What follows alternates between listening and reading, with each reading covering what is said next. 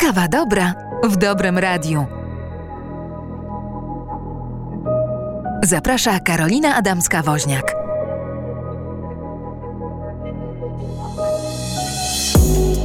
Witam Państwa bardzo serdecznie w kolejnej kawie dobra. Ufam, że kawa zrobiona. My mamy, my mamy zrobioną kawę. Dominika białą, ja czarną i rozpoczynamy rozmowę. Powinno być naturalnie prosto, ale kto to wie, jak będzie. Witam Państwa bardzo serdecznie w Kawie Dobra, czyli w e, mojej autorskiej audycji, która, której gośćmi są ludzie zmieniający świat na lepsze. I Dominika jest taką osobą, która zmienia świat na lepsze w trochę innym kontekście niż e, poprzedni goście, ale w bardzo ważnym, a zaraz Państwu powiemy w jakim. Cześć Dominika. Dominika Chirek jest moją gościnią dzisiaj, gościem, jak to woli, bo jedni nie lubią tych y, żeńskich e, końcówek, a Ty lubisz? Dzień dobry. Dzień dobry Karolino, dzień dobry Państwu. Bardzo miło za, na, za, zaproszenie. A to zależy. To zależy, co komu pasuje. Nie przeszkadzają mi zupełnie feminitatywy. No właśnie mi też nie, więc jeśli komuś pasuje gość, to go, moim gościem jest dzisiaj Dominika Hirek jeszcze raz. A jeśli komu, ktoś woli y, gościni, to moją gościni dzisiejszą jest Dominika Hirek, która prowadzi Prowadzi co? Co, co, co ty prowadzisz? Mm, prowadzę... Mm co ja prowadzę? Ja właściwie edukuję. Ja edukuję, jak być świadomym konsumentem. Można mnie znaleźć w mediach społecznościowych jako pod hasłem naturalnie proste. I ja uczę, żeby y, nie zawsze y, ufać ślepo w reklamy, zwłaszcza w reklamy kosmetyków, żeby czytać listę składników, produktów żywnościowych, kosmetyków, ubrań i wszystkiego tak naprawdę i przyglądać się wszystkim zakupom, zanim przejdziemy do kasy i klikniemy zapłać. No właśnie, czyli Dominika, proszę spojrzeć sobie na Instagrama, bo jej profil jest absolutnie fantastyczny. Nazywa się właśnie Naturalnie Proste, więc e, dlatego ja tak zaczęłam tę rozmowę, bo czy to będzie proste się okaże. Powinno być naturalnie proste, a niekoniecznie jest. Dominika, skąd w tobie taki pomysł na edukowanie nas, konsumentów, w temacie składu głównie kosmetyków, prawda? E, głównie kosmetyków. Zaczęło się od tego, że ja sama miałam problem z rozszyfrowaniem listy składników kosmetyków. To było już wiele, wiele, kilkanaście lat temu, prawie nawet można powiedzieć, że prawie 20 lat temu. E, jednym z moich pierwszych prawniczych zleceń było napisanie... Bo ty jesteś prawniczką tak, z ja wykształcenia. Jestem, tak, jestem prawniczką i mm, pisałam opinię prawną dla dużego koncernu kosmetycznego, gdzie weszło nowe prawo kosmetyczne, gdzie trzeba było właśnie, było po angielsku słowo ingredients i trzeba było je przetłumaczyć na składniki, czyli po prostu na język polski. Ale zastanowiłam się, co jest dalej za tym dwukropkiem.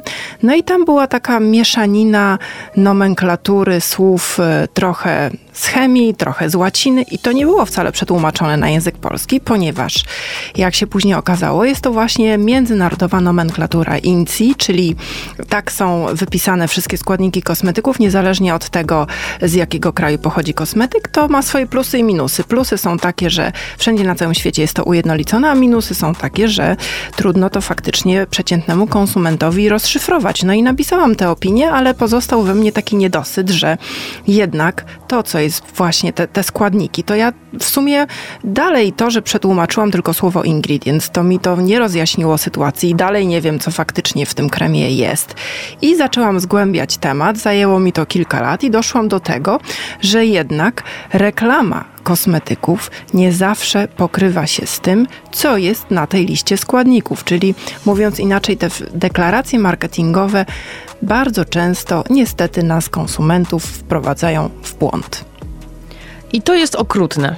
Proszę Państwa, jeśli ktoś e, pracuje w, działu, w, dziale, w dziale marketingu, tworzy jakiekolwiek re reklamy, to mój apel z tej strony jest taki: proszę, nie wprowadzajcie nas w błąd, bo my jako konsumenci chyba jesteśmy ufni. Jak, jak, jak Ty uważasz? Jesteśmy bardzo ufni. Jesteśmy na tyle ufni, że e, już z czasem to prawo się też zmieniło i są nawet unijne wytyczne, jeśli chodzi o prawo e, dotyczące kosmetyków, które mówią o deklaracjach marketingowych, jak one mają wyglądać. Bo bo tak bardzo klienci byli wprowadzeni w błąd, że na przykład jeszcze do niedawna hasło na kosmetyku hipoalergiczny nie znaczyło dokładnie nic, ponieważ nie było żadnych specjalnych specjalnych wymagań, który taki kosmetyk musi spełnić. Więc konsumenci kupowali sobie jakiś żel pod prysznic, który właśnie miał hasło hipoalergiczne i później nie wiadomo było, skąd się biorą jakieś alergie, bo mimo tego, że miał napisane na opakowaniu, że jest hipoalergiczny, to zawierał w sobie składniki, które są powszechnie znane w branży kosmetycznej, wśród dermatologów, jako y, alergeny i takie, które mają duży potencjał alergiczny, więc krótko mówiąc, będą nas uczulać i będą wywoływać alergię. I było tak, że to było prawnie dozwolone, że można było sobie połączyć właśnie te alergeny z taką deklaracją. To jest niewiarygodne, co ty mówisz, bo to jest, to jest wręcz, y, no mnie się to w głowie nie mieści. Naprawdę, że można e, robić takie rzeczy, po co? Po to tylko, żeby sprzedać produkt? Jesteśmy jako ludzie aż tak paskudni, że, że jak wiemy, że hasło się sprzeda, to pach na etykietę hipoalergiczny, cokolwiek to znaczy, nie znaczy nic, ale sprzedaje się hipoalergiczny. Pach na tą etykietę, ładnie wpisane, jeszcze pewnie wyboldowane jakoś, żeby było widać. No tak właśnie było. Teraz jest, e, teraz jest już e, ta, tak zwany załącznik techniczny. Jest to e, taka wytyczna też do tego, też jest tutaj trochę taki spór, czy to jest obowiązujące prawo, czy to jest tylko niewiążąca wytyczna. Jakkolwiek jest taki dokument, który już reguluje, jaki kosmetyk możemy nazwać hipoalergicznym i większość producentów się do tego stosuje. Ale znajduję też takie przykłady, gdzie dalej i znalazłam na przykład w popularnej drogerii mydło do mycia rąk dla dzieci, dzieci, które miało właśnie taką deklarację, że jest e, hipoalergiczne, a w składzie był e, składnik, który mm, tak dość mało atrakcyjnie nazywa się metyloizotiazolinon, ale jest on znany ze swojego potencjału alergicznego i szczególnie nieciekawy, jeśli chodzi o dzieci, więc niestety takie kwiatki rzadko bo rzadko, ale jeszcze czasami się zdarzają na rynku. Ale producenci, producenci o tym nie wiedzą? Czy ten składnik, który ty. No bo ja zastanawiam się, na czym polega ta trudność. Jest ten składnik, który mówi, że on uczula. Jest potrzeba e, z rynku, która mówi, że chciałbym produkt, który nie uczula. Więc czy e, nie piękniej, ja wiem, ja jestem idealistką, ale sobie zadam takie pytanie, czy nie piękniej byłoby usunąć ten składnik z tego e, produktu i nazwać produkt rzeczywistym tak, jak, jaki on jest? To dlaczego ludzie wybierają taką ścieżkę, że zostawiają ten produkt i kłamią? No to, to, to faktycznie byłoby bardzo idealistyczne podejście i bardzo prokonsumenckie, no ale e, producentom y, niestety nie zależy na naszym zdrowiu tak jak nam samym i nie produkują kosmetyków po to, żeby dbać o nasze zdrowie, tylko produkują kosmetyki po to, żeby zarabiać pieniądze. No i jest tak, że y, to nie jest tak, że każdy składnik, który ma potencjał alergiczny, od razu wszystkich uczuli. On nie uczuli wszystkich, on uczyli, uczuli tylko część z nas. No i producenci mówią, no tutaj ja przeprowadziłem badania i wyszło na to, że naszej, na naszej grupie nikogo ten składnik nie uczulił w takim tutaj minimalnym stężeniu, ale znajdzie się ko ktoś, kogo on faktycznie uczuli. Gdyby wszystko było takie idealne, nie mielibyśmy deklaracji bio, eko, natural, które również są dozwolone i za którymi kompletnie nic nie idzie. Jeżeli widzimy na etykiecie kosmetyku właśnie zielone listki i napisy bio, eko, yy, naturalne, to nie oznacza, że mamy do czynienia z kosmetykami naturalnymi. Ale teraz mamy trend na kosmetyki naturalne, teraz y, coraz więcej konsumentów chce używać kosmetyków naturalnych i z jednej strony mamy coraz więcej kosmetyków naturalnych, ale z drugiej mamy też właśnie sporo takich kosmetyków, które naturalne niestety chcą tylko udawać. Ja widziałam, na twoim Instagramie widziałam, bo go przejrzałam i widziałam to przekreślone zdjęcie pięknego żelu pod prysznic z pewnego hotelu. I rzeczywiście przyjrzałam się tej etykiecie i ja bym to kupiła od razu. Ja jestem, ja jestem idealistką, w związku z czym ufam każdemu i wszystkim. I widzę tę piękną etykietę, bo tam rzeczywiście było naprawdę, proszę Państwa, etykieta była, proszę sobie zajrzeć na Instagrama Dominiki, etykieta przepiękna e, cytrynki, piękne żółte cytrynki, zielone listki i był piękny napis natural czy naturals, cokolwiek takiego. Jeszcze vegan było, o, bo to jest też chyba takie hasło, które chwyta, prawda? Tak, to też jest. I ty tam naprawdę musiałaś się napracować sporo, bo ja przeczytałam to, żeby dotrzeć do, do e, etykiety ze składnikami. To nie było takie łatwe, bo tego żelu z tej ściany nie dało się pewnie wyciągnąć. Tak, więc... bo on już był tam przytwierdzony, taki właśnie pod prysznicem, ale ja już tam bokiem robiłam zdjęcia, ale w końcu znalazłam po prostu tą listę składników na stronie dystrybutora w internecie. No i tak jak podejrzewałam, niewiele miało to wspólnego właśnie z naturalnym kosmetykiem. Zresztą takich przykładów jest sporo. Ostatnio też e, w dużym supermarkecie znalazłam podobny przykład, tylko muszę usiąść go opisać i też niedługo wyląduje tutaj na mojej ścianie, e, jeśli chodzi o kosmetyki, które naturalne tylko udają, bo tutaj nie ma prawnej definicji kosmetyku naturalnego, nie ma tutaj żadnych wytycznych i niestety producenci na tym bazują. No ja wiem, ale jest ta moralność w nas i, i wiesz, bo ty tam znalazłaś w tym e, kosmetyku z tego hotelu, który był pięknie opisany i naprawdę miał przecudowną e, etykietę, na którą ja bym się nabrała składnik, który jest je, takim, ja się na tym nie znam, ale na tyle, na ile się znam, jest ten SLS i to jest jeden z podstawowych składników, który nie powinien być używany w kosmetykach, jeśli chcemy je nazywać naturalnymi, prawda? Więc Tak. tu, tu było takie, takie, no takie ewidentne oszustwo. Zderzenie. No ta, tak, dlatego że em, sodium lauryl sulfate albo sodium lauret sulfate to są dwa takie e, popularne składniki myjące używane w żelach pod prysznic, w szamponach, które standardowo są właśnie pochodzenia petrochemicznego, a więc nie są akceptowane przez żadne organizacje, które certyfikują kosmetyki naturalne, bo jedyne na czym możemy się oprzeć, definiując kosmetyki naturalne, to są międzynarodowe uznane certyfikaty, takie jak na przykład jeden z bardziej popularnych w Polsce, certyfikat EcoCert. I tam już jest napisane, co w kosmetyku naturalnym ma być, a czego ma nie być. To nie jest tak, że kosmetyki naturalne to są takie kosmetyki, które są pozbawione wszelkich konserwantów, trzeba trzymać je w lodówce, bo jak nie, to po dwóch tygodniach tam urośnie w nich nowe życie i w ogóle one są mało skuteczne i y, przez to, że zawierają tam te rośliny, to nie będą działać i tak dalej, i tak dalej. To już są takie mity, z których już, y, w które już mało kto wierzy.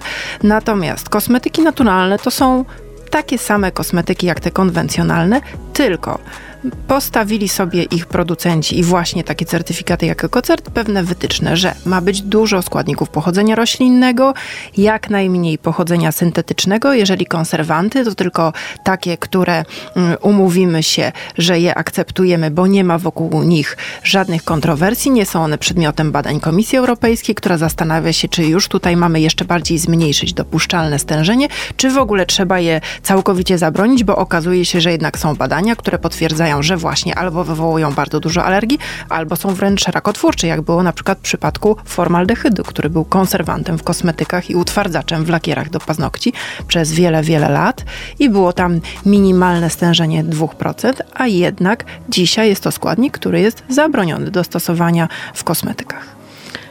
Badasz ten rynek już wiele lat i ja jednak ciągle wrócę do tego żelu pod prysznic z tego hotelu, bo ja, tak jak mówię, ja się nabieram od razu. E, a jestem mam, mamą małych dzieci i jadę do takiego hotelu i mam przeświadczenie, że to, co tam jest i sobie, sobie wyklikam na, na dłoń i mogę umyć swoje niespełnaroczne dziecko i będzie wszystko ok. Dlaczego ludzie to robią? Powiedz, dlaczego to? Masz odpowiedź na to pytanie? To są, to są tanie żele pod prysznic, które się kupuje w ogromnych ilościach do hoteli i w, w hotelach w ogóle te wszystkie e, próbki, te miniaturki i to, co oferują hotele, to ja e, rzadko już, e, jeżeli nie mam nic innego, to wtedy umyję ręce, ale staram się ich w ogóle nie używać, a już na pewno nie wykąpałabym w tym dziecka. I tutaj nad tym najbardziej ubolewam, bo tutaj bym od razu zaostrzyła te kryteria i jeśli chodzi o, o prawo i naprawdę zaostrzyła, bo dzieci y, zapadają na coraz większe y, alergie i to są duże, to nie są tylko alergie pokarmowe, to są właśnie alergie kontaktowe, to są różne rodzaju, różnego rodzaju także i kosmetyki, i chemikalia, z którymi mamy na co dzień do czynienia. I y, jeśli chodzi o kosmetyki dla dzieci, to tutaj bym zawsze rekomenduję takie, które są pozbawione jakiegokolwiek zapachu. Nieważne, czy jest to zapach pochodzenia naturalnego, czy syntetycznego, dlatego, że warto wiedzieć to, że składnik parfum w każdym kosmetyku to jest tajemnica producenta, prawnie chroniona. I pod nazwą parfum kryje się kilkanaście, kilkadziesiąt albo i nawet kilkaset różnych składników i my nie wiemy, co tam jest, dlatego że właśnie jest to tajemnica producenta. I tutaj branża kosmetyczna, prawo chroni producentów, a nie konsumentów. Więc dla dzieci, zwłaszcza dla małych dzieci, absolutnie kosmetyki bez jakiegokolwiek zapachu. Jeśli chodzi o kosmetyki naturalne, to tutaj różnicę mamy taką, że takie e, kosmetyki certyfikowane dopuszczają tylko e, e, substancje zapachowe pochodzenia naturalnego, a więc roślinnego. A więc jeżeli mamy na przykład kosmetyk z certyfikatem EcoCert, a w składzie mamy parfum, to wiem, że to parfum to będą najczęściej olejki ateryczne, absoluty, izolaty, czyli coś, co pochodzi z roślin. I jeżeli nawet taki kosmetyk nas uczuli, bo olejki eteryczne też mogą uczulać, to my wiemy przynajmniej, co było przyczyną tego uczulenia, że właśnie był to jakiś olejek eteryczny. Natomiast jeśli chodzi o te syntetyczne zapachy, to my nie wiemy, co tam nas uczuli, bo tam mogą być różnego rodzaju właśnie y, składniki i nigdy do tego nie dojdziemy tak naprawdę, dopóki nie zrobimy jakichś gruntownych badań, nie przebadamy kosmetyku, nie odwiedzimy kilkunastu dermatologów, którzy y, jakimś cudem pomogą nam tutaj to trafnie właśnie zdiagnozować. Więc ja jestem przerażona tym, co właśnie teraz e, usłyszałam. Naprawdę, proszę Państwa, ponieważ ja jadąc z dziećmi na wakacje jestem z tych, e, które jak się pakuję, to mam w głowie coś takiego super, że nie będę musiała brać e, żelu pod prysznic, szamponu i mydła, czyli czegoś muszę zapakować mniej i to jest dla mnie taka wielka ulga, bo wiem, że jadąc tam będę mogła z tego korzystać. I to, co teraz usłyszałam, mnie naprawdę przeraziło, bo ja regularnie z tego korzystam i korzystają też z tego moje dzieci. Rzeczywiście tak jest, że te y, kosmetyki w hotelach są tak słabej jakości? No są słabej jakości. Są, y, zdarzają się teraz, w związku z tym, że coraz więcej skłaniamy się właśnie ku naturze, to w, pow, y, powstają też y, hotele, które starają się funkcjonować funkcjonować w sposób bardziej zrównoważony, zwracają uwagę nie tylko na menu w restauracjach, ale i właśnie też na kosmetyki, które oferują te kosmetyki hotelowe. Ale to jest nisza. Większość to są naprawdę bardzo tanie, słabej jakości e, kosmetyki, szczególnie w jakichś zagranicznych kurortach, e, gdzie się kupuje e, wycieczki z biurem podróży, to tam w ogóle nawet to, to, to może się taki tam mydło wpłynie do prania by nadało, ale też bym uważała na swoje dłonie, więc absolutnie nie polecam skorzystać z takich kosmetyków, ale w ramach ułatwienia, jak się jedzie całą rodziną, to po prostu wziąć żel pod prysznic dla dzieci i niech się takim żelem myje cała rodzina, to wtedy będziesz miała trochę mniej bagażu, a albo wziąć, teraz są fajne też wersje w kostce, żeby y, i właśnie y, zmieścić się. Nawet ostatnio robiłam taki post na temat y, bagażu podręcznego, co można skompletować? I dzięki właśnie nowym kosmetykom typu szampon w kostce, odżywka do włosów w kostce, czy właśnie żel pod prysznic w kostce, taka kostka mydła po prostu, to już można sobie tutaj znaleźć fajne, neutralne mydła, takie najprostsze mydło w kostce, to jest mydło Aleppo, które składa się z oleju laurowego, laurowego i oliwy z oliwek, albo tradycyjne mydło marsylskie. Tam nie ma dodanej żadnej kompozycji zapachowej, one naturalnie pachną tymi właśnie olejami i to są dwa najprostsze mydła, które jeżeli już wiele osób y, y, różne składniki uczulają, to polecam takie proste kostki. Tylko trzeba kupić my, mydło Aleppo, y, łatwiej jest teraz dostać, ono jest dość popularne i występuje w różnych drogeriach i marketach. Mydło marsylskie trochę trudniej, trzeba tutaj poszukać, bo czasami jest ono, że tak powiem, chrzczone jakimś sztucznym zapachem lawendy, zupełnie niepotrzebnie, bo mydło marsylskie też powinno pachnieć oliwą z oliwek i nie mieć w składzie żadnego dodanego zapachu, czyli nie mieć e, składnika parfum. Ja przyjdę dzisiaj do domu i chyba powysyłam ci wszystkie etykiety swoich kosmetyków. Wysyłaj. Wszystko ci powysyłam, żebyś sprawdziła, czy to, co tam się znajduje, jest dobre i powinno być. Proszę Państwa, jeśli ktoś, znowu mam apel, ktoś, kto nas słucha, prowadzi hotel, to proszę, naprawdę zainwestujcie w te kosmetyki. Może tak niewiele, a tak dużo, e, bo my ufamy. Znowu to jest coś takiego, powiem, ja jako klientka ufam. I to i nie chciałabym, żeby ktoś tego mojego zaufania e, korzystał, wykorzystywał i na samym końcu, żebym ja jako konsument miała z tego powodu problemy. A często te hotele, do których jeździmy, one tanie nie są. No ale to, to, że tani nie są, to nie oznacza, że mają y, jakiejś lepszej jakości kosmetyki. To jest y, tak, że y, bardzo dużo, teraz w ogóle mówi się o tym, że właśnie kiedyś były miniaturki w hotelach i one generują mnóstwo śmieci, odpadów i tak dalej, i tak dalej. I to się wyrzuca, więc teraz jest zmiana polegająca na tym, żeby właśnie było większe opakowanie i żeby je przytwierdzać właśnie tak jak to mydełko, które sfotografowałam, do tam gdzieś do ściany przy umywalce czy pod prysznicem I to y, powoduje, że może tutaj jakoś się trochę zmieni, bo wcześniej trzeba było zainwestować w, to w te miniaturowe opakowania. Natomiast tak czy inaczej, nikt specjalnie w kosmetyki hotelowe nie inwestuje, co nie oznacza, że kosmetyki naturalne muszą być dużo droższe, bo to chodzi o skalę. Jeżeli cały hotel zamówi, to da się wyprodukować niedrogie mydło w płynie, które nie zawiera właśnie takich tutaj potencjalnych alergenów, ma prosty skład, ma ten, e, te substancje myjące pochodzenia roślinnego, może mieć naturalny zapach, który też nie musi być drogi. To jest po prostu, trzeba chcieć to zrobić, bo są marki własne e, drogerii popularnych, e, supermarketów, które już są certyfikowane, mają certyfikat Cosmebio, czy e, certyfikat EcoCert, albo certyfikat Natru i to oznacza, że mamy do czynienia z kosmetykami naturalnymi i tam są, i, i te y, marki oferują żele pod prysznic czy szampony, które naprawdę nie są drogie i myślę, że spokojnie mogłyby się odnaleźć i w budżecie hotelowym. Zrobimy z tego jakąś kampanię. Ja myślę, poczułam zew, proszę Państwa, teraz, żeby zmieniać świat na lepsze, również ten hotelowy. Eee, gdzie najlepiej kupować w takim razie kosmetyki? Czy ty masz jakieś miejsce, do którego idziesz i wiesz, że tam na półce znajdziesz wszystko takie, jakie powinno być, bez tych kłamstw? Łatwiej jest mi y, powiedzieć, gdzie nie kupować. I jeszcze tu bym chciała powiedzieć o jednym miejscu, które też wzbudza zaufanie, mianowicie apteka. Kosmetyki, które są sprzedawane w aptece, wielu osobom wydaje się, że one muszą spełnić jakieś dodatkowe kryteria, żeby się znaleźć w aptece. Albo, że siedzi jakiś tam sztab lekarzy, dermatologów czy farmaceutów i oni tak sobie tam po godzinach mmm, sprawdźmy tutaj listę składników. O, jakie to jest fajne na tej naszej półce. Tak, będziemy to sprzedawać tutaj i oferować. Nie. Niestety muszę tutaj rozwiać złudzenia. Nie ma żadnych dodatkowych wymogów, które by mówiły, że w aptece mogą się znaleźć takie kosmetyki, a inne nie mogą się znaleźć. To są dokładnie e, te same przepisy, które dotyczą supermarketu, drogerii, czy apteki, czy perfumerii. To się niczym nie różni. Nie mylmy leków, które są na receptę z kosmetykami. To są dwie różne ustawy, to są dwa różne produkty i to są zupełnie inne wymagania. Czy to jest znowu taka, jak mówisz, to jest pewnie znowu taka strategia marketingowa tylko i wyłącznie. Skoro jakaś firma ma taki pomysł, że będzie sprzedawać w aptece, to bazuje na tym, że my idąc do apteki, jest, rzeczywiście tak jest, że ja idąc do apteki mam ja mam taki obraz, jak ty powiedziałaś. Ja w ogóle mam na świat taki obraz. Wszyscy siedzą się zastanawiają i robią tak, żeby wszystko było dobre, więc ci chemicy, czy, czy nawet z lekarzami siedzą i zastanawiają się, co tutaj sprzedawać, żeby to było zdrowe.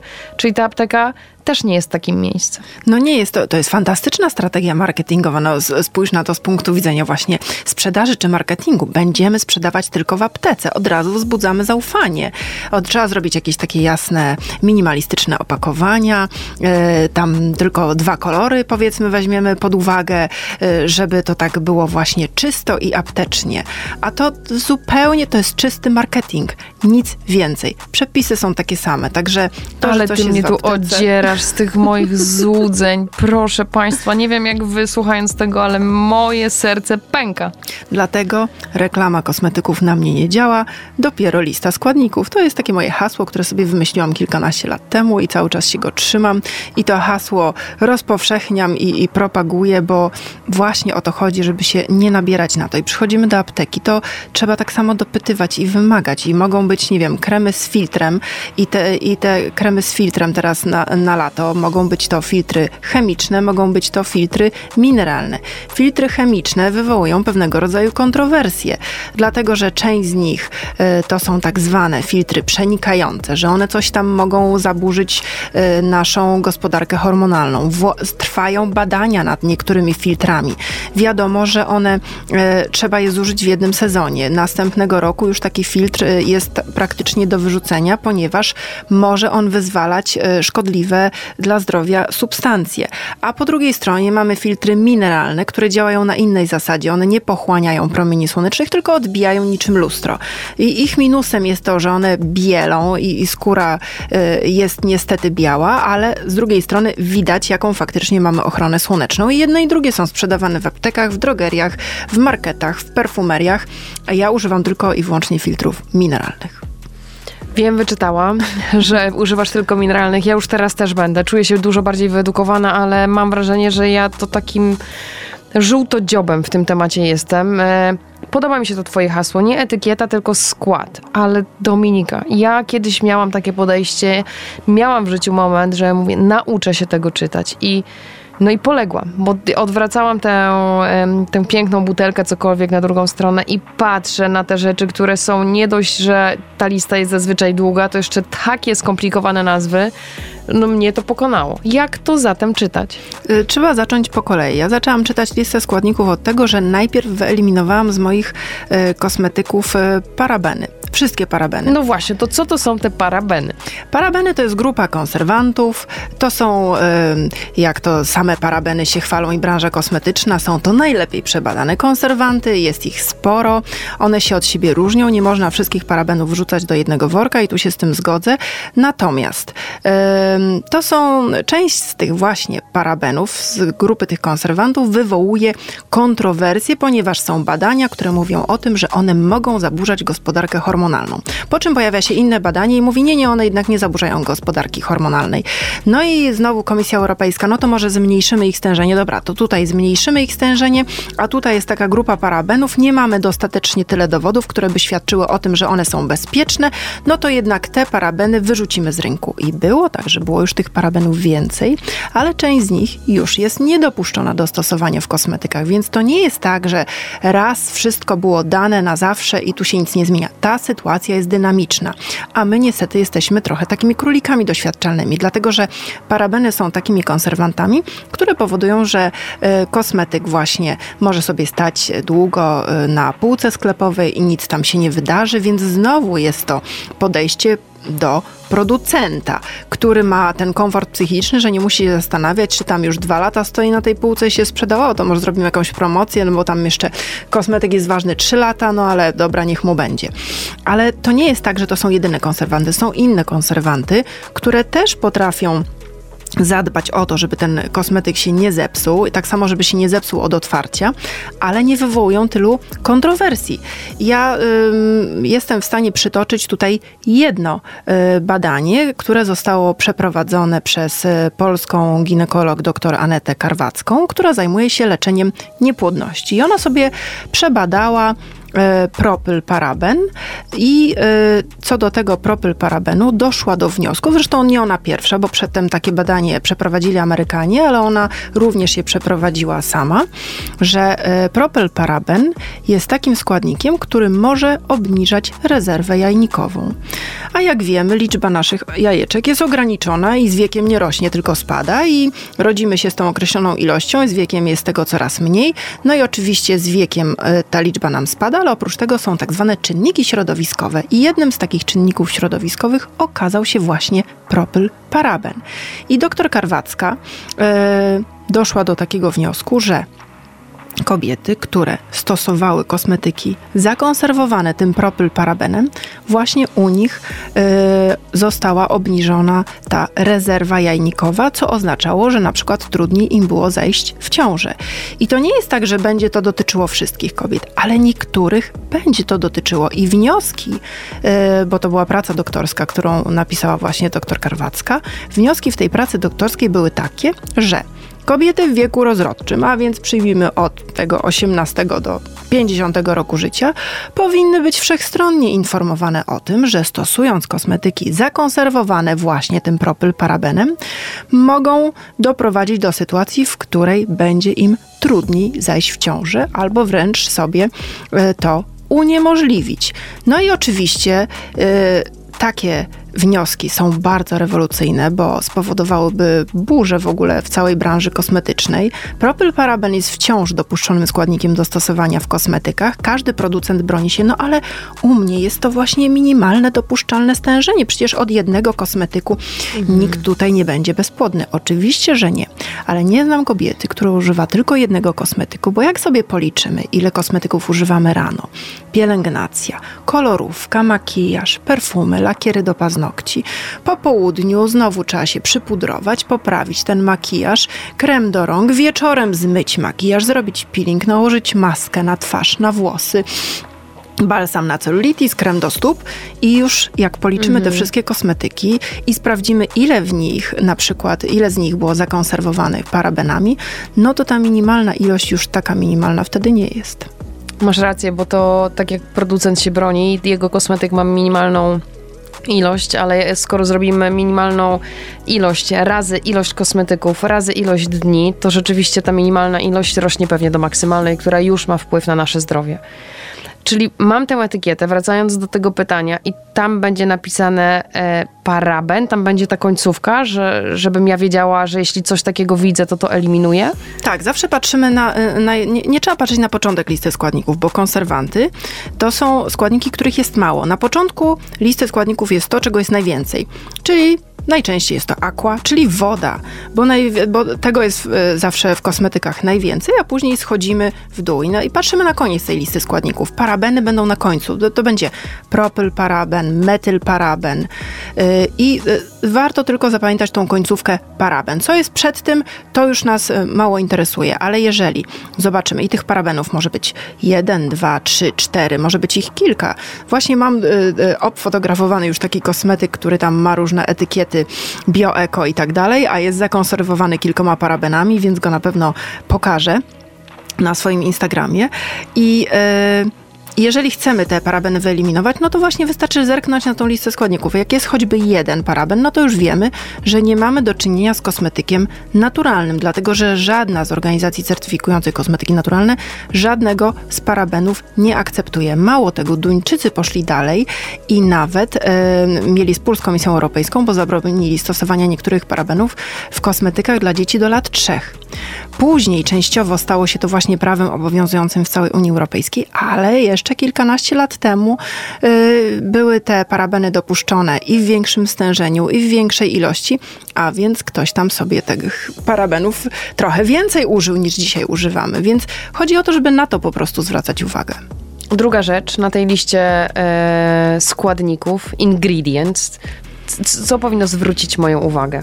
No, na przykład jest taki składnik, który wciąż jest dopuszczony do stosowania y, we wszystkich kosmetykach, a y, jest, no, można powiedzieć delikatnie o nim, że jest kontrowersyjny, ale ja uważam, że jest wręcz szkodliwy, to jest talk.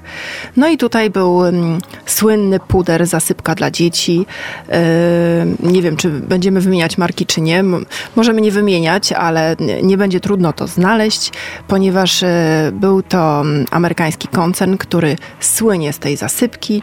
No i tutaj sprawa yy, skończyła się na tym, że tam była bardzo mocna kampania PR-owa i był to taki wręcz produkt narodowy. I kobiety używały tą zasypkę e, najpierw jako e, małe dziewczynki, niemowlęta, i później przez całe życie pocisz się, to sobie posmaruj, to się e, po prostu zapudruj e, pod pachami, plecy, nogi, w ogóle, żebyś była gładka i żebyś się nie pociła, żeby tam się z ciebie nie lało i będzie sucho i cudownie i wspaniale. I się okazało, że kobiety, które używały właśnie tego pudru z talkiem przez kilkadziesiąt lat, przez całe swoje życie zaczęły chorować na raka jajnika. No i zrobiły się w Stanach pozwy, przegrane sprawy, wielomilionowe odszkodowania. I na czym się skończyło? Nie ma żadnych zmian w prawie. Koncern do samego końca zaprzeczał, ponieważ jak jest wygrana sprawa, to jest to sprawa tylko indywidualna. To nie oznacza, nie, nie było żadnego tam pozwu zbiorowego, tylko odszkodowania były indywidualnie y, dla konkretnych kobiet albo ich rodzin, bo nie wszystkie doczekały końca procesu. Jak się to skończyło? Talk cały czas jest legalnie dopuszczonym składnikiem. Mówi się coraz częściej o tym, że talk jest zanieczyszczony rakotwórczym azbestem, bo to ten rakotwórczy azbest powodował tego raka jajnika, nie sam talk. Ale jest bardzo ciężko tak wyczyścić ten talk, żeby go pozbyć tego azbestu, a w kosmetykach specjalnie nikt nie inwestuje w nic takiego. No i na rynku amerykańskim ten sam produkt, zresztą jest to u mnie na Instagramie, można sobie odszukać, e, ten sam produkt ma zmieniony skład. I mhm. zamiast talku mamy skrobię kukurydzianą i wycofany został z, z, całej Ameryki Północnej i w Kanadzie i w Stanach Zjednoczonych. E, ten sam produkt, który się tak samo nazywa, nie jest już oparty o talk, tylko ten po prostu baby powder jest oparty o skrobię ziemniaczaną. No ale trzeba było gdzieś wyprzedać te zapasy magazynowe i tą nadprodukcję. No to Ameryka Południowa, Europa, Azja. U nas jest cały czas ten sam produkt z talkiem. Ja zrobiłam takie zestawienie, e, robiłam research na dwóch kontynentach, w trzech państwach. Zrobiłam zdjęcie osobiście w drogerii Walgreens w Stanach Zjednoczonych, w Chicago, gdzie już tego talku nie ma, tylko jest skrobia ziemniaczana. Poszłam również do drogerii w Irlandii, gdzie e, jest talk. No i poszłam do drogerii w Warszawie, gdzie również w tym pudrze jest talk. Znowu moje serce pęka i odzierasz mnie naprawdę z wielu złudzeń takiego dobrego świata. Żadnej zasypki z talkiem dla dzieci i można już znaleźć zamienniki. Są polskie marki, są, jeżeli chcemy właśnie jakąś zasypkę dla niemowląt do pupy, to są właśnie oparte o tą skrobię e, kukurydzianą i bez problemu można już coś takiego dostać. No i to jest dobra wiadomość. To jest dobra wiadomość, więc zróbmy coś dobrego. Po tym, e, po tym, po tym zasypie tych takich e, wiadomości, które mnie odarły naprawdę z mojego idealizmu bardzo, bardzo mocno. E, co dobrego w tym świecie ekokosmetyków? Jak, może dobre jest to, że, że mamy coraz większą świadomość i tych ekokosmetyków prawdziwych jest też coraz więcej. Czy to jest dobra wiadomość, ale znowu jak rozróżnić prawdziwego od greenwashingu? No więc my już zrobiliśmy jako konsumenci dużo dobrego, bo głosujemy swoimi zakupami i to, co kupujemy, to jest nasz głos. Te produkty chcę, a to, czego nie kupujemy, to jest sygnał dla producentów, no musisz coś zmienić, bo to mi się nie podoba, bo ja tego nie chcę. I powstaje coraz więcej właśnie takich certyfikowanych linii kosmetyków naturalnych. Są duże koncerny, które nagle mają linię bio. I jeżeli zobaczymy na opakowaniu logo EcoCert albo właśnie właśnie Natru, czy Cosme Bio, czy innego takiego certyfikatu, y, już rzadziej stosowany to jest niemiecki certyfikat BDIH, czy brytyjski Soil Association albo włoska ICA. Też wszystkie są u mnie w razie czego w wyróżnionych relacjach można sobie o tych certyfikatach poczytać. Ale jeżeli zobaczymy takie logo certyfikatu, to mamy pewność, że mamy do czynienia z kosmetykiem naturalnym, że tam nie znajdzie się żadna z kontrowersyjnych substancji, nie będzie żadnych y, właśnie konserwantów y, czy składników pochodzenia petrochemicznego. I wtedy nie musimy tej listy składników analizować. Jest jedno ale, bo e, certyfikaty dopuszczają talk, ale widząc, co się dzieje na rynku, producenci sami już eliminują talk ze swoich formulacji. No bo talk jest minerałem, jest pochodzenia naturalnego, więc teoretycznie nie mamy nic przeciwko niemu, ale ponieważ stało się jak się stało i już mamy większą świadomość i są badania i wiemy, że bardzo trudno jest, żeby ten talk był właśnie czysty medycznie i był, e, nie był zanieczyszczony tym rakotwórczym azbestem, to jest trudne do osiągnięcia. W lekach to jest zupełnie inna sytuacja, bo tam się inwestuje w to, żeby był talk czysty medycznie, ale kosmetyki to jest też zupełnie inny temat. No więc tutaj ja e, tak czy inaczej, jak się da, to ja ten talk eliminuję nawet z kosmetyków naturalnych, gdzie certyfikaty ten talk dopuszczają. Ale poza tym właśnie substancja zapachowa będzie pochodzenia naturalnego i trochę więcej wiemy, co w tym zapachu się znajdzie. Nie będzie kontrowersyjnych konserwantów, nie będzie takich alergenów jak właśnie ten metyloizotiazolinon, nie będzie fenoksetanolu, parabenów, nie będzie SLS-ów pochodzenia petrochemicznego, nawet jeżeli znajdzie się w mydle sodium lauryl sulfatę, to jeżeli mamy certyfikat, to oznacza, że ten SLS jest pochodzenia roślinnego, a nie petrochemicznego. Nie został tak przetworzony chemicznie i y, będzie on już wtedy składnikiem dużo łagodniejszym. A co z e, lakierami do paznokci? Bo teraz jest czas. Ja chciałam się umówić, wczoraj zadzwoniłam, chciałam się umówić na pedicure, na stopy. I pani mówi, bardzo proszę, pierwszy wolny termin to jest 15 września. W związku z czym mamy sezon na malowanie paznokci jednych i drugich. I co z tymi lakierami, z hybrydami? One są ok, czy nie są ok? Wiesz co, ja hybrydy w ogóle nie używam. Ja dwadzieścia kilka lat temu sobie zamontowałam tipsy i y, nie mogłam otworzyć drzwi wejściowych do domu, bo zrobiłam je za długie i się z kluczem męczyłam i to była moja jednorazowa przygoda. Po dwóch tygodniach już miałam ich serdecznie dosyć. Mogłam sobie robić przedziałek na włosach przy pomocy paznokcia.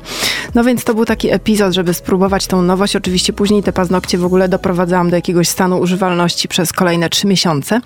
I hybryda nigdy nie była dla mnie kusząca, nigdy nie używałam hybrydy. Y, po prostu nie jest mi to potrzebne. Jak jest termin zajęty, to ja już sama maluję paznokcie, Ale dobra wiadomość jest taka, że na rynku już od kilku lat są tak zwane nietoksyczne lakiery do paznokci, czyli pozbawione tych najbardziej potencjalnie szkodliwych składników, jakie w lakierach mogą się znaleźć. Bo oprócz już wspomnianego przeze mnie rakotwórczego formaldehydu, który w Unii Europejskiej jest zabroniony, ale jest wciąż dopuszczony do stosowania w lakierach w Stanach Zjednoczonych. Więc jeżeli w Ameryce kupimy sobie lakier do paznokci, to on może zawierać rakotwórczy formaldehyd, więc trzeba na to uważać.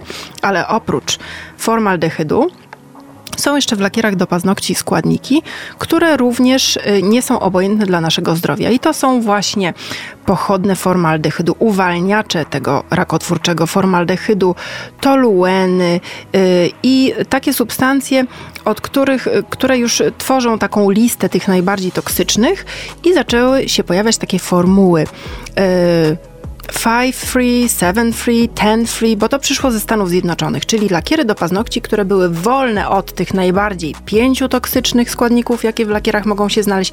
Później je zwiększono do siedmiu najbardziej toksycznych, no a dzisiaj tak naprawdę większość liczących się marek, które produkują lakiery do paznokci, robi takie linie tak zwane wegańskie, które nie wiem, dlaczego się nazywają wegańskie. Ja je nazywam po prostu nietoksyczne, ale myślę, że to też jest marketingowo lepsze określenie, które są już faktycznie tych y, najbardziej szkodliwych, toksycznych składników pozbawione. I to są zwykłe lakiery, które różnie się trzymają. Niektóre trzymają się kilka dni, niektóre trzymają się tydzień, ale są i takie, które potrafią się nawet i 10 dni trzymać na paznokciach i mnie to absolutnie satysfakcjonuje. Ja właśnie nie zdążyłam sobie jeszcze dzisiaj pomalować paznokci. Zmy, zdążyłam tylko zmyć lakier, ale y, jestem w drodze na wakacje i sobie wzięłam dwa właśnie takie nietoksyczne lakiery i będę sobie tam y, wieczorem malować. I mam nadzieję, że, że całe wakacje na tym y, kolorze tutaj dotrwam. I takie lakiery jesteśmy w stanie nabyć u nas w sklepach w naszych polskich drogeriach. Tak, jest ich już coraz więcej i to są, y, po prostu trzeba dopytywać się też, czy u kosmetyczki, czy w drogerii, zapytać o te właśnie wegańskie formuły i zapytać się, co one mają, czego nie mają, bo nie da się zrobić, no lakier do paznokci, no to nie da się z samych roślinek tam tego koloru ukręcić, bo muszą być te substancje chemiczne, żeby on się po prostu trzymał na paznokciach, ale dobra wiadomość jest taka, że właśnie producenci lakierów do paznokci już się zorientowali, że konsumenci chcą czegoś innego, że już nie, y, coraz więcej osób od tej hybrydy odchodzi, że e, kobiety wiedzą, że no to jest tak, że później ten, ten cienki paznokieć, bo to się mówi, że to nie szkodzi, że to szkodzi tylko skórką, no, e, że nieumiejętnie zrobiona hybryda. No absolutnie, ja już nie mówię o jakichś patologicznych sytuacjach, gdzie tą hybrydę zakłada ktoś, kto tam, nie wiem, w internecie gdzieś jakiś tutorial obejrzał, bo to faktycznie można sobie